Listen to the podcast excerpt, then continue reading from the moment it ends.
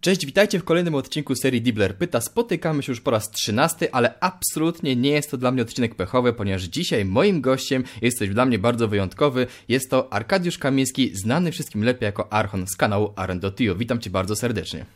Cześć, bardzo mi miło. Dla mnie jest w takim razie pechowy, bo ja jestem gościem tym razem i teraz się stresuję. Nie ma się czym stresować, już tyle osób przez to przeszło, myślę, że ty też dasz radę. Mam nadzieję. Ale powiem ci tak, mam dzisiaj dla ciebie całkiem sporo takich poważniejszych pytań, ale pozwól w takim razie, że dla rozluźnienia zacznę od czegoś trochę generycznego. Powiedz mi proszę, skąd właściwie wzięła się twoja ksywka Archon? Ze szkoły podstawowej. Kolega z klasy mnie tak nazywał. Ja sobie nie wybrałem tej ksywki. To dlatego, że mam na imię Arek, a on uwielbiał grać w grę Archon na Commodore. A potem wyszedł StarCraft i tam była jednostka, która się nazywała Archon. I tak mu się to strasznie kojarzyło i zaczął mnie tak nazywać, więc tak zostało w zasadzie. Nie miałem nic do powiedzenia. A bo byłem świecie przekonany, że ty po prostu byłeś fanem gry Archon i dlatego wybrałeś, a tu proszę. Byłem. Ja lub, lubiłem mhm. grę Archon, ale ja sobie takiej ksywy nie wybrałem. Ja sobie wybrałem dużo gorszą ksywę. Moją pierwszą ksywą w internecie było Pika Pika. No, e, więc może to i lepiej. A powiedz mi w takim razie, jak zaczęła się w ogóle twoja przygoda z grami i czy może pamiętasz ten taki moment, kiedy to wiesz się przerodziło z hobby w pasję? E, przygoda moja z grami się zaczęła bardzo wcześnie, bo miałem ze 3 lata. Pojechałem do babci i kuzyni mieli Atari 2600.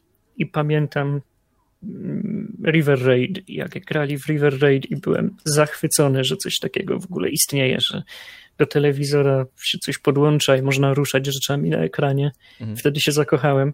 Przez lata e, chodziłem do poznajomych po kolegach grać u nich w gry, bo sam nie miałem komputera, niczego takiego. Potem dostałem własną materynkę e, i pierwszym takim punktem, kiedy zakochałem się na maksa w grach, było jak dostałem swój pierwszy komputer. To były lata 90. Rodziców kosztował ponad 7 tysięcy złotych nowych już starych wtedy nowych, mhm. zadłużyli się na długie lata. To były kosmiczne pieniądze w tamtych czasach i jestem im wdzięczny do dzisiaj, bo ten komputer prawie 10 lat z niego korzystałem. Wyobraź sobie, że w 2005 Proszę. roku ja dalej śmigałem na Celeronie 333 z 64 megabajtami RAMu Voodoo 2. Mogłem odpalić jedno okno gadu-gadu, albo jed, jedną zakładkę przeglądarki żeby się nie wywalił komputer na tym Celeronie. E, no, a potem na parę lat moje zamiłowanie do gier ucichło, bo miałem mhm. stary komputer i nie mogłem w nic grać, więc przeniosłem się trochę bardziej na informatykę. No i ostatecznie wyprowadziłem się do Wielkiej Brytanii i w sumie zacząłem pracować na własny rachunek z rodzinką i po pracy miałem trochę wolnego czasu, więc zacząłem znowu trochę grać. No i potem tak jakoś wyszło, że tak już zostało na dobrą sprawę. No i finalnie stworzyłeś kanał na YouTubie, który e, nazywa się Aron.tu i na którym tworzysz, tworzysz razem z ekipą bardzo fajne, bardzo fajnych dużo materiałów. I właśnie, bo chciałem powiedzieć, że to, co mi się podoba na Rondo to jest to, że macie całkiem sporo materiałów retro o starych konsolach, a nawet dwugodzinny film dokumentalny o powstaniu pierwszego Wiedźmina. I chciałem cię spytać, dlaczego właściwie takie materiały? Czemu? Czy, czy to jest coś w rodzaju takiej nostalgii, czy może ty chcesz nieść jakiś kaganek oświaty graczom, że oj, zobaczcie, jak to drzewiej w gierkach bywało? Z czego to się wzięło? To się zaczęło w zasadzie tak kompletnie z przypadku. Mhm bo nie planowałem tworzyć strony o grach czy, czy bloga, tylko zrobiłem sobie takiego domowego bloga. Kiedyś były popularne takie strony domowe, nazwijmy to, że, każdy, że, że miało się strony domowe i tam się pisały jakieś artykuły, pierdółki. I pewnego dnia napisałem e, taki krótki tekst żartobliwy o właśnie o Atari 2600, o pierwszej konsoli, którą dostałem od mojej świętej pamięci babci.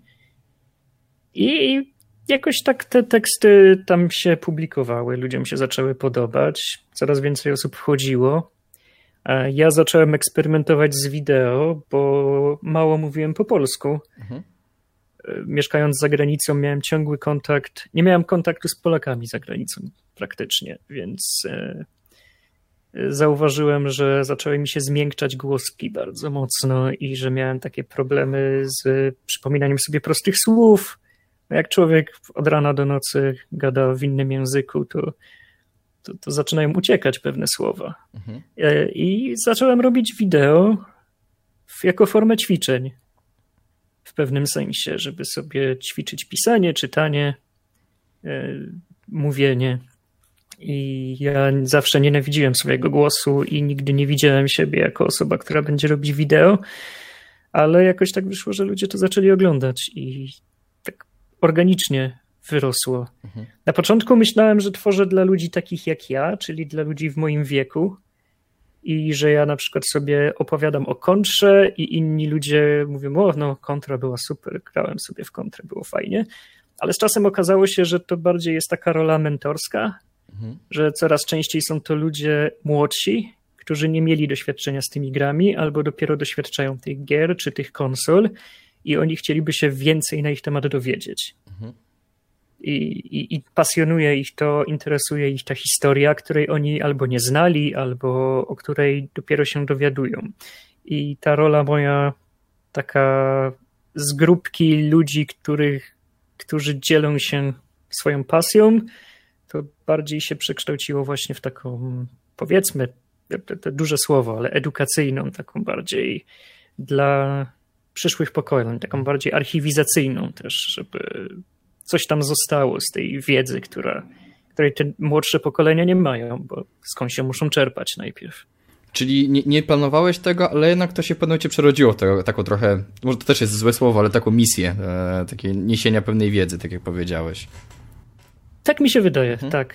Tak, bo na początku to w ogóle był taki trochę bardziej jajcarski mhm. serwis, taki z jajem mało poważny ogólnie, ale jakoś się to tak wyklarowało przez lata właśnie z uwagi na, na to, kto to oglądał, mhm. jakie były reakcje i, i z czym czułem się też komfortowo tworząc po prostu. Mhm.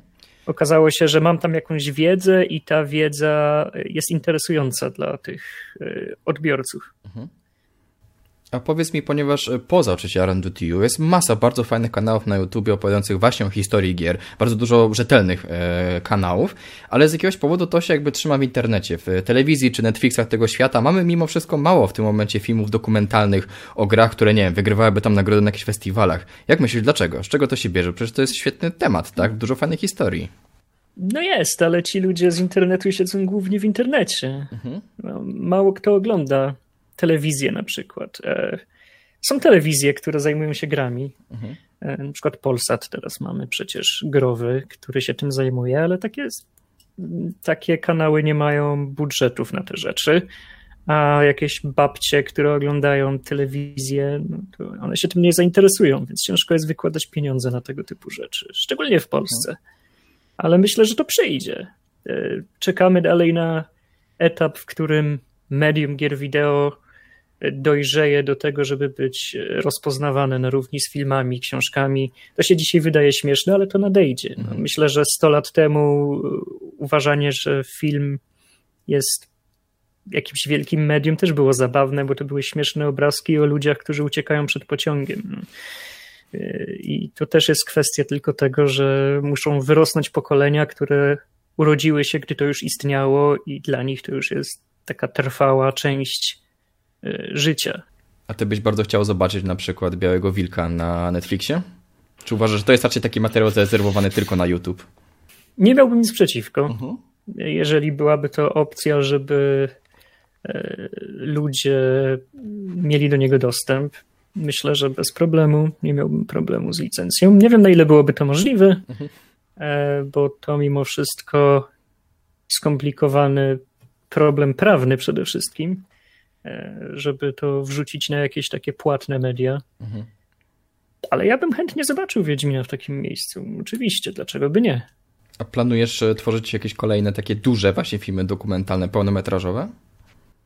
Mhm. Po Wiedźminie obiecałem sobie, że nie, bo byłem tak zmęczony produkcją tego filmu, że myślałem, że już w życiu nie tknę takiego dużego projektu, ale apetyt rośnie mhm. i bardzo bym chciał i gdyby nie pandemia, to prawdopodobnie w zeszłym roku zaczęlibyśmy jakiś nowy, duży projekt. No ale przyszła pandemia, więc nic z tego nie wyszło. Mhm. Może jak się skończy. Nie lubię półśrodków, więc bardzo nie chcę tego robić przez internet, przez jakieś wideokonferencje. To to może fajnie działać, ale mimo wszystko nie ma tego takiego szlifu wtedy. Jest, ja, ja, bardzo lubię włożyć wysiłek i, i zrobić coś, z czego mogę być potem dumny przez lata. A z jakiegoś powodu, nie wiem, konferencja na Skype'ie nie ma dla mnie tego prestiżu, ani też nie pozwala się tak skomunikować z tą drugą osobą. Nie można posiedzieć dzień z jakimś deweloperem, pójść z nim na hamburgera i, i poznać go lepiej, żeby potem wiedzieć lepiej, jakie pytania zadać. Nie? Jest mimo wszystko zupełnie inny typ e, działania. Czyli z jednej strony gdzieś tam ucieka ten profesjonalizm, a jednocześnie też nie ma tego klimatu po prostu przy pracy nad takim materiałem, co? No nie, bo mi się tak marzy, że ARM.tu w miarę możliwości to powinno być coś takiego idącego w profesjonalizm mhm. i nawet chyba bardziej niż telewizja w tym momencie, bo w telewizji nikomu nie przeszkadza, że tam ktoś okienko z Windowsa na Skype'ie ma w wiadomościach i, i w ten sposób przeprowadza wywiad, a mi by to przeszkadzało, bo ja lubię wierzyć, że, że jak coś robię, to to się jeszcze przyda za, za 10-20 lat, a że nie jest to tylko e, robione w tym momencie i potem już przestaje istnieć, że, mhm. że to ma pozostawić jakiś ślad i wyglądać jakoś, jakoś się prezentować, tak żeby to miało e, przydatność dłuższą niż 5 minut. Mhm. A tak z Twojego osobistego punktu widzenia, co jest e, Twoim zdaniem największym wyzwaniem w prowadzeniu takiego kanału jak Aron.tu? Wszystko. Dobra, następne pytanie.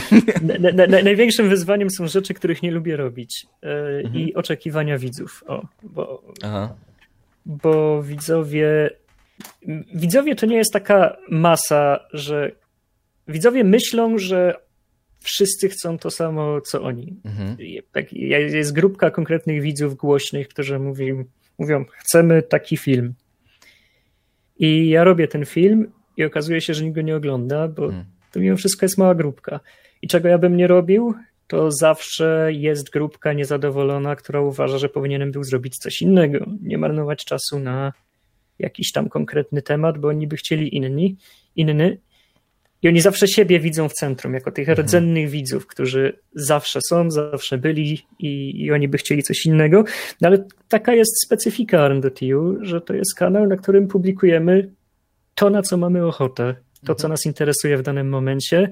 I myślę, że paradoksalnie to jest e, nasza siła, że nie ulegamy jakiejś tam presji, żeby pompować, nie wiem, 100 odcinków System Error rocznie, mhm. tylko dlatego, że ktoś tego chce i że to może by się klikało tylko że faktycznie pracujemy nad rzeczami, które nas bawią, które sprawiają nam radość i mam wrażenie, że to potem przechodzi też bezpośrednio na widza, że widz czuje, że jest zajawka, że, mhm. że nam się podoba to, co robimy, a że nie robimy tych rzeczy tylko po to, żeby się klikało. Bo wiele tych rzeczy się nie klika. Mhm. I w momencie publikacji mamy pełną świadomość, że wrzucamy film, który e, będzie miał mało wyświetleń, ale go wrzucamy i robimy i wkładamy wysiłek, bo, bo nam się podoba i wierzymy, że jakaś tam ta grupa zainteresowanych, których interesuje dany temat, to odnajdzie i będzie zadowolona i w mhm. zasadzie tylko to się liczy ostatecznie. Czyli z jednej strony to jest fajne, że jesteście niezależni, jakby robicie to, co chcecie, ale z drugiej strony mówi, że to jest jakby największy problem. Takie zadowolenie tak, społeczności. To, to, jest, to jest trudne, bo mhm. to trzeba, wiesz, fajnie by było, jakby nie było licznika wyświetleń na YouTubie. Bo wtedy nikt ci nie zarzuca, że nie robisz. Bo z jednej strony ludzie chcą, żebyś był e, niszowy, żebyś robił jakiś tam undergroundowy staw nie pod publiczkę, a z drugiej strony wytykają ci palcem, patrz, nikt tego nie ogląda. Hmm. Nie? I, I to samo z reklamodawcami. Z jednej strony chcesz, żeby te liczby pokazywały jakieś masywne wzrosty, że tam miliony wyświetleń, e, żeby zadowolić reklamodawców, ale z drugiej strony chcesz robić to przede wszystkim w zgodzie z sobą. Nie? Mhm. To jest ten, ten odwieczny konflikt e, to jest coś, co zawsze mocno gryzie nowych członków redakcji. Mhm. Bo e, na przykład redaktor Kebab, którego serdecznie pozdrawiam, bardzo długo miał taką mentalność korpo. Aha. Wiesz, że, że on tam zawsze myślał nie w perspektywie tego, co on by chciał zrobić, co wydaje się interesujące, e, co wydaje się przyjemne czasowo, na tyle, że jest do zrealizowania i budżetowo do zrobienia, tylko czy to się kliknie, czy wiesz, czy, czy, czy, czy może, może dawno, trzeba by było zrobić jakiś tam film na jakiś kanał, bo dawno nie było, bo, bo, bo brakuje, jest jakaś taka dziura, że może tutaj jakiś podglądzik, jakieś coś mhm. i, i przez długi czas musiałem mówić, że nie, nie tędy droga. Że wiesz, fajnie, fajnie jest zarobić, fajnie jest tam tych reklamodawców y, wyczarować i oczarować ich liczbami, ale przede wszystkim, jeżeli będziemy robić to, co chcemy robić, jak chcemy robić, to liczę, że ci reklamodawcy to zrozumieją i docenią. I, że, i, i z doświadczenia wiem, że lepiej wypadają na filmach, które mają mało wyświetleń, ale klikają ją wyłącznie, wyłącznie ludzie zainteresowani, czyli potencjalni klienci, niż jak milion osób kliknie film o niczym. Mhm. Bo masz ten target sprecyzowany stuprocentowo i wiesz, że film o technologii kliknie 100% e, fanów technologii. Mhm. I to reklamodawcom, mimo że na papierze wydaje się e, mniej sensowne, to potem zazwyczaj owocuje. No i to jest fajne podejście. A słuchaj, bo teraz dużo w ogóle osób próbuje w YouTube, tak? Już y, młodzi ludzie nie chcą być aktorami czy aktorkami, tylko chcą być youtuberami, youtuberkami. No ale niestety nie wszyscy się wybijają. Jakie ty ze swojego doświadczenia miałbyś porady dla takich osób, które chciałyby zacząć robić jakiś content na, na YouTube'a? To zależy, czy chcą się bawić na YouTubie, czy chcą zarobić na hmm. YouTubie. Bo znam obie grupy. Znam osoby, które otwarcie mówią, że prowadzą YouTube'a wyłącznie po to, żeby zrobić kasę, a znam też ludzi, którzy chcą mieć fajny kanał i dużo widzów, nie? I się fajnie bawić. Jeżeli chcesz mieć dużo widzów i mieć fajny kanał i się dobrze bawić, to miej wszystko w nosie, nie patrz na liczby i rób, co ci sprawia radość. Jeżeli nikt tego nie będzie oglądał, to rób dalej. Byle w miarę regularnie, żeby ta widownia mogła się budować. Nie ma gwarancji, że zdobędziesz milion subów. Mhm no, bo nikt ci takiej gwarancji nie da, niezależnie od tego, co będziesz robić, ale pracuj na to i bądź, pracuj w zgodzie z samym sobą. To jest najważniejsze. Z czasem, jeżeli zacznie się budować jakaś społeczność, to z tego co rozumiem, warto budować jakieś kolaby, robić współpracę z innymi twórcami. To się podobno bardzo dobrze klika. Sam nie mam z tym doświadczenia, nie robię takich rzeczy zazwyczaj, ale wiem, że to jest dobra droga, bo wtedy trafia się do innych e, twórców w sposób organiczny i do ich widowni. E, na pewno nie warto spamować swoimi filmami wszędzie, wklejać się na fora, na Facebooka, gdzie się tylko da, bo nikogo to nie obchodzi. Nikt tego nie będzie klikał. Najważniejsze nie być nachalnym, robić swoje. Jeżeli chcesz zarobić, e, rób wszystko to, co powiedziałem i oprócz tego bądź nachalny, wrzucaj wszędzie e, i, i, i przede wszystkim e, trzeba jeździć na fali popularności tego, co się klika i co jest popularne. I mieć prezencję. Mhm. Można być kompletnym idiotą, na niczym się nie znać, ale wystarczy mieć dobrą prezencję, ładnie się uśmiechać, potrafić mówić i wszyscy to będą oglądać i będą się cieszyć. I nie ma w tym nic złego. Mhm. Sam oglądam kanały, które mnie po prostu bawią, a nic sobą nie reprezentują. E, no ale to jest, tak, to jest sukces. Wynika z tego, że ludzie chcą chleba i igrzysk. Mhm. Głównie to drugie jest im łatwo zapewnić na YouTubie, więc to jest chyba taka droga. Kanały rozrywkowe zdecydowanie łatwiej e, rozkręcić niż kanały edukacyjne czy, czy jakieś takie specjalistyczne. Mhm.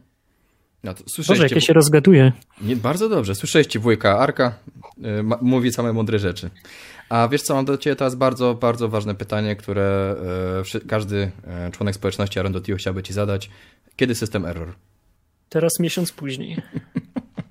Bo w ogóle to jest, to jest ciekawe, że System Error, czyli ta seria filmów o, e, o, o easter eggach w grach e, i o bugach, stała się swego rodzaju memem troszeczkę w społeczności Arandotio, prawda? To prawda. Ludzie ją lubią, mhm. nie dziwię się, bo jest fajna. No ale nie produkuje jej się łatwo. Problem z System Error to jest, tak jak mówisz, to jest seria o błędach w grach, o ciekawostkach w grach i tak dalej. Problem polega na tym, że ja tych ciekawostek ani błędów nie robię, nie? One tam mhm. muszą być najpierw. Więc jak ja wyprodukowałem powiedzmy 10 czy ileś godzin łącznie, więcej pewnie. No to jest ponad 30 odcinków e, materiału mhm. o grach i tam były setki gier już. To te tematy są coraz trudniejsze do wypełnienia. I to nie chodzi o to, że nie da się zrobić, bo da się zrobić. Da się mhm. zrobić bardzo łatwo badziewny odcinek, wrzucić badziewnych ciekawostek, ale to będzie cholernie nudne. Mhm. E, ja wolę robić, kiedy mam na to ochotę, bo wtedy będzie fajne i wtedy, kiedy uważam, że to, co będę mógł powiedzieć, jest interesujące. Zresztą chyba mogę zdradzić, że będzie wielki projekt związany z System Error, ponieważ będzie ta seria obchodziła swoje dziesięciolecie mhm.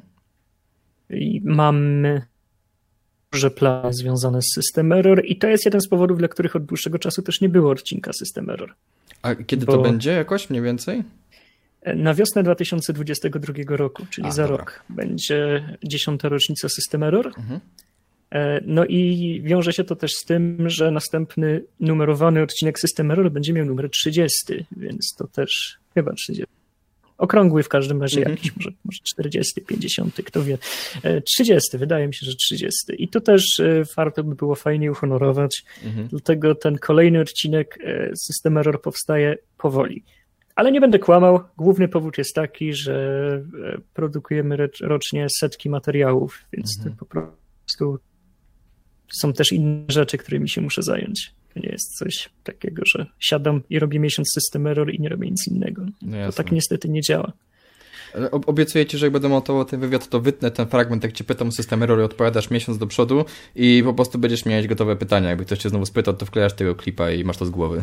No to super, bardzo Dobry. fajnie. Będę go, puszczał, będę go puszczał w pętli i nie będę musiał nigdy publikować system error. A powiem Ci, na sam koniec mam do Ciebie e, pytanie, które dostaje każdy gość, więc Ty też musisz przez to przejść. Wyobraź sobie taką hipotetyczną sytuację, że zamykają Cię w izolacji na pełen rok, ale możesz wziąć ze sobą trzy gry. I jakie to są gry? Dungeon Keeper 2, Rock Band 3, może być też czwórka.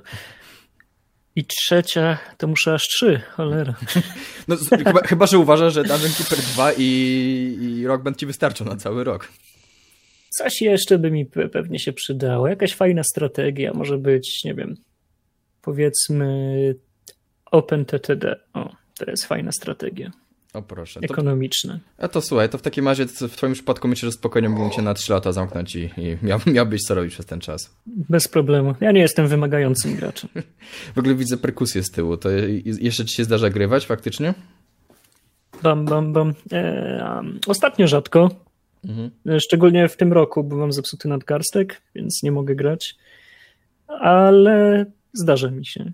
Bo to trochę, nie to... mam zepsuty nadgarstek. Bo to te gry muzyczne troszeczkę umarły, ale cieszę się, że jeszcze ludzie w to grają. Tak, no mamy w studiu mamy mhm. zwykłą perkusję akustyczną, nie elektroniczną. O, mm, Też na niej nie grałem od dłuższego czasu, bo nadgarstek plus lockdown, więc w ogóle nie byliśmy w studiu od miesięcy. E, a tak ogólnie to tak, ja lubię grać na perkusji. Chociaż lepiej mi idzie na gitarze, nie będę ukrywał. Dobra. To słuchaj, to tak naprawdę ode mnie to jest wszystko. Chciałbym Ci bardzo podziękować, że zgodziłeś się na tę rozmowę i opowiedziałeś nam troszeczkę o tym, jak to, jak ten YouTube tak naprawdę wygląda z, za kulis i jakie masz plany dla RondoTU. I co, mam nadzieję, że do następnego. Cała przyjemność po mojej stronie. Dziękuję ślicznie.